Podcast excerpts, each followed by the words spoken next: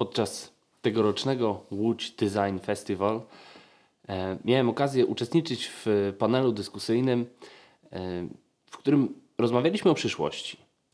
Moje zadanie polegało na tym, żeby opowiedzieć o tym, jak z przyszłością pracujemy w edukacji. Trochę mówiłem o tym w zeszłym tygodniu, e, jak działać, co jest dla mnie istotne, żeby zapewnić trwałość edukacji. Mówiłem o tym, że konieczna jest dyskusja.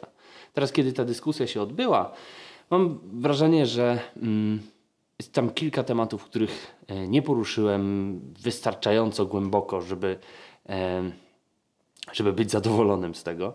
E, no ale cóż, w związku z tym, że mam kanał na YouTubie, mogę sobie pozwolić dopowiedzieć wszystko do wszystkiego.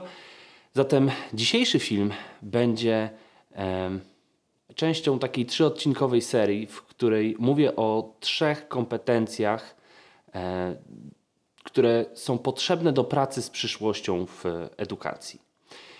E, dziś opowiem o tym, e, co mam na myśli, e, definiując taką kompetencję jak planowanie ze świadomością zasobów.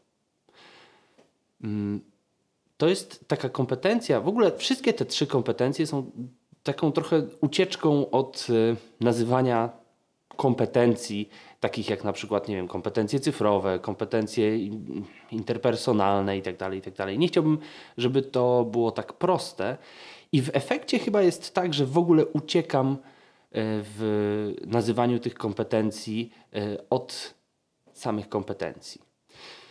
Planowanie ze świadomością zasobów to to, co mm, jest właściwie moją próbą e, opowiadania o nieprzetłumaczalnym słowie sustainable, które mm, oznacza dla mnie to, że mm, coś potrafi się samo utrzymać. I y, kiedy myślę sobie o takiej kompetencji, co jest potrzebne do tego, żeby móc utrzymać swoje uczenie się, ale też utrzymać swoją możliwość, żeby uczyć innych to jest przede wszystkim przejście od takiego paradygmatu, w którym my mierzymy e, siły na zamiary, planujemy zrobić coś, widzimy wartość tego czegoś, widzimy drogę, która jest e, potrzebna, żeby zrealizować ten cel i e, zabieramy się za to, wiedząc, że jesteśmy w stanie wykonać to zadanie, które sobie stawiamy.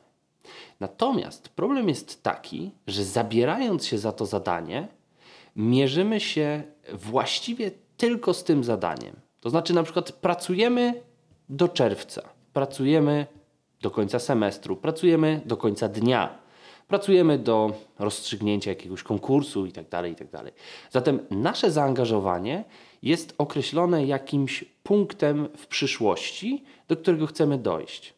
I my zdajemy sobie sprawę z tego, że mamy wystarczająco dużo zasobów w postaci wiedzy, umiejętności, ale też energii, zapału do tego, żeby zrealizować ten cel. I teraz, kiedy pracuję właściwie projektowo, głównie projektowo, widzę, jak bardzo jest to złudne. Jak bardzo założenie, że ja jestem w stanie ten projekt wykonać, no właśnie, jest złudzeniem. Bo faktycznie jestem w stanie wykonać ten jeden projekt, ale mam jeszcze drugi i trzeci i czwarty i jeszcze mnóstwo innych, e, z których każdy osobno mogę wykonać. Tylko problem jest taki, czy jestem w stanie wykonać je wszystkie. Pracując w szkole, jednym z większych e, przełomów w moim myśleniu o pracy w szkole było to, e, kiedy zacząłem się zastanawiać nie tyle, czy ja jestem w stanie douczyć do czerwca, albo czy ja jestem w stanie jakąś grupę czegoś nauczyć Problem pojawił się wtedy, kiedy zacząłem się zastanawiać, czy ja mogę dalej tak uczyć. To znaczy, czy ja wytrzymam, czy, czy mój organizm, moja zdolność do regeneracji jest wystarczająca, żeby douczyć do końca. Albo żeby e, właśnie uczyć tak cały czas. I e, doszedłem do wniosku, że nie, że nie jestem w stanie dalej tak, tak uczyć. E, dziś, kiedy myślę sobie o tym, jak o to dbać, to myślę sobie o tym, że proces realizowania jakiegoś zadania nie może być końcem. To znaczy, my musimy zdawać sobie sprawę, że po zadaniu, które sobie postawiliśmy, będzie następne i następne i następne. I czy my jesteśmy w stanie ponieść koszt wykonania tego zadania, które sobie stawiamy przed sobą i potem być w gotowości do tego, żeby zrobić coś jeszcze? Albo czy po wykonaniu tego zadania możemy sobie zaplanować, że będziemy się regenerować, że będziemy nabierali sił do tego, żeby wykonywać kolejne zadania. Nauczyciele w dzisiejszej szkole stoją w bardzo trudnej sytuacji, gdzie tego czasu na regenerację właściwie nie ma. Te dwa miesiące wakacji y, bardzo rzadko wystarczają do tego, żeby zregenerować się po zakończonym roku szkolnym, żeby przygotować się do następnego i jeszcze, żeby uporządkować sobie rzeczy, refleksje, notatki, dzienniki z poprzedniego roku szkolnego.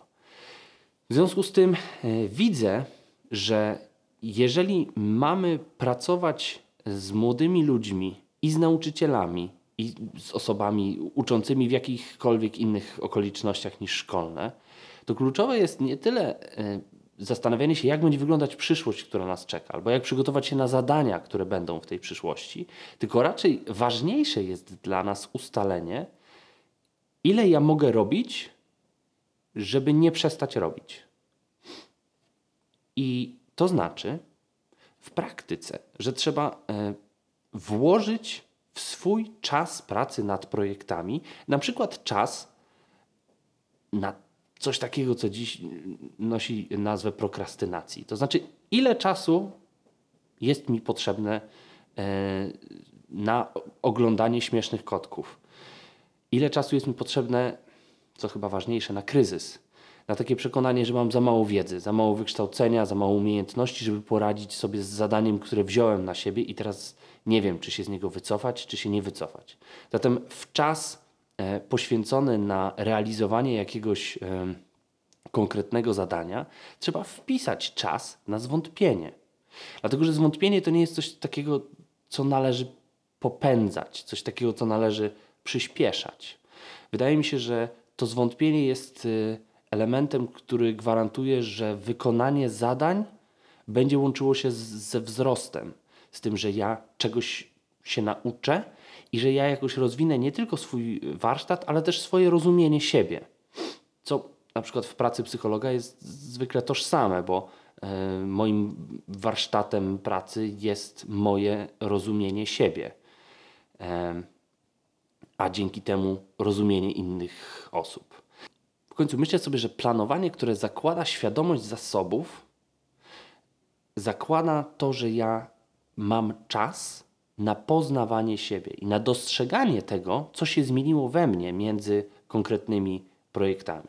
Więc kiedy siadamy do wyobrażania sobie przyszłości, do przewidywania jej, do planowania, do analizowania trendów, które pozwolą nam spodziewać się czegoś w przyszłości, Wydaje mi się, że kluczowe jest też to, żeby zastanowić się, kto z tej przyszłości będzie korzystał. To znaczy, kim ja będę w tej przyszłości, do której się przygotowuję. I mam wrażenie, że e, to jest takie, e, taki moment, w którym my możemy potraktować się z wyrozumiałością i z czułością, bo e, prawdopodobnie nikt inny tego nie zrobi. A poza tym, dlatego że to zapewni nam trwanie.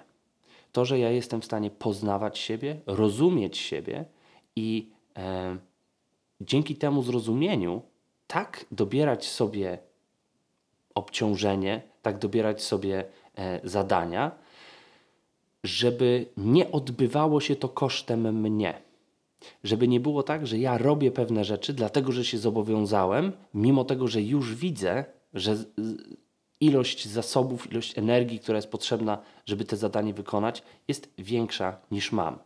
Nie dlatego, że źle zaplanowałem e, krok po kroku, co mam do zrobienia, tylko dlatego, że nie zaplanowałem na przykład, że po drodze będzie e, maj, kiedy odechciewa mi się e, wszystkiego i tak naprawdę wolałbym być na łące i oglądać, jak wszystko kwitnie. Może dlatego, że Trudno jest przewidzieć, w których momentach roku zwiększy się lub zmniejszy się nasza motywacja, kiedy zwiększy się lub zmniejszy ilość oczekiwań, które mamy od osób, na przykład z którymi pracujemy.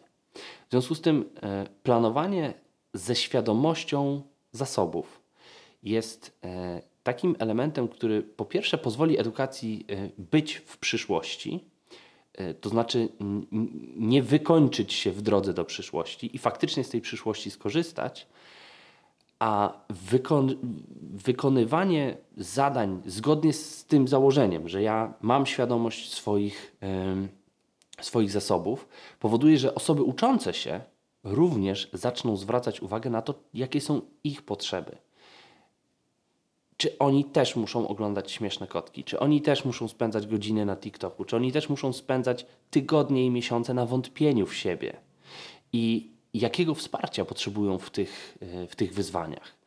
E, Co zrobić, żeby z tego zwątpienia w siebie wrócić? Co zrobić, żeby zrobić, mimo że wątpię, mimo że się boję, mimo że e, nie mam pewności? I co zrobić, kiedy właściwie skończy nam się internet i w sensie dojdziemy tak daleko, że już nie będziemy pamiętali, z jakiego miejsca wyszliśmy? Jak z tych dygresji intelektualnych wrócić do tego, co jest głównym tematem. Wydaje mi się, że e, planowanie ze świadomością zasobów jest pierwszym elementem, który jest nam potrzebny do tego, żeby myśleć o przyszłości.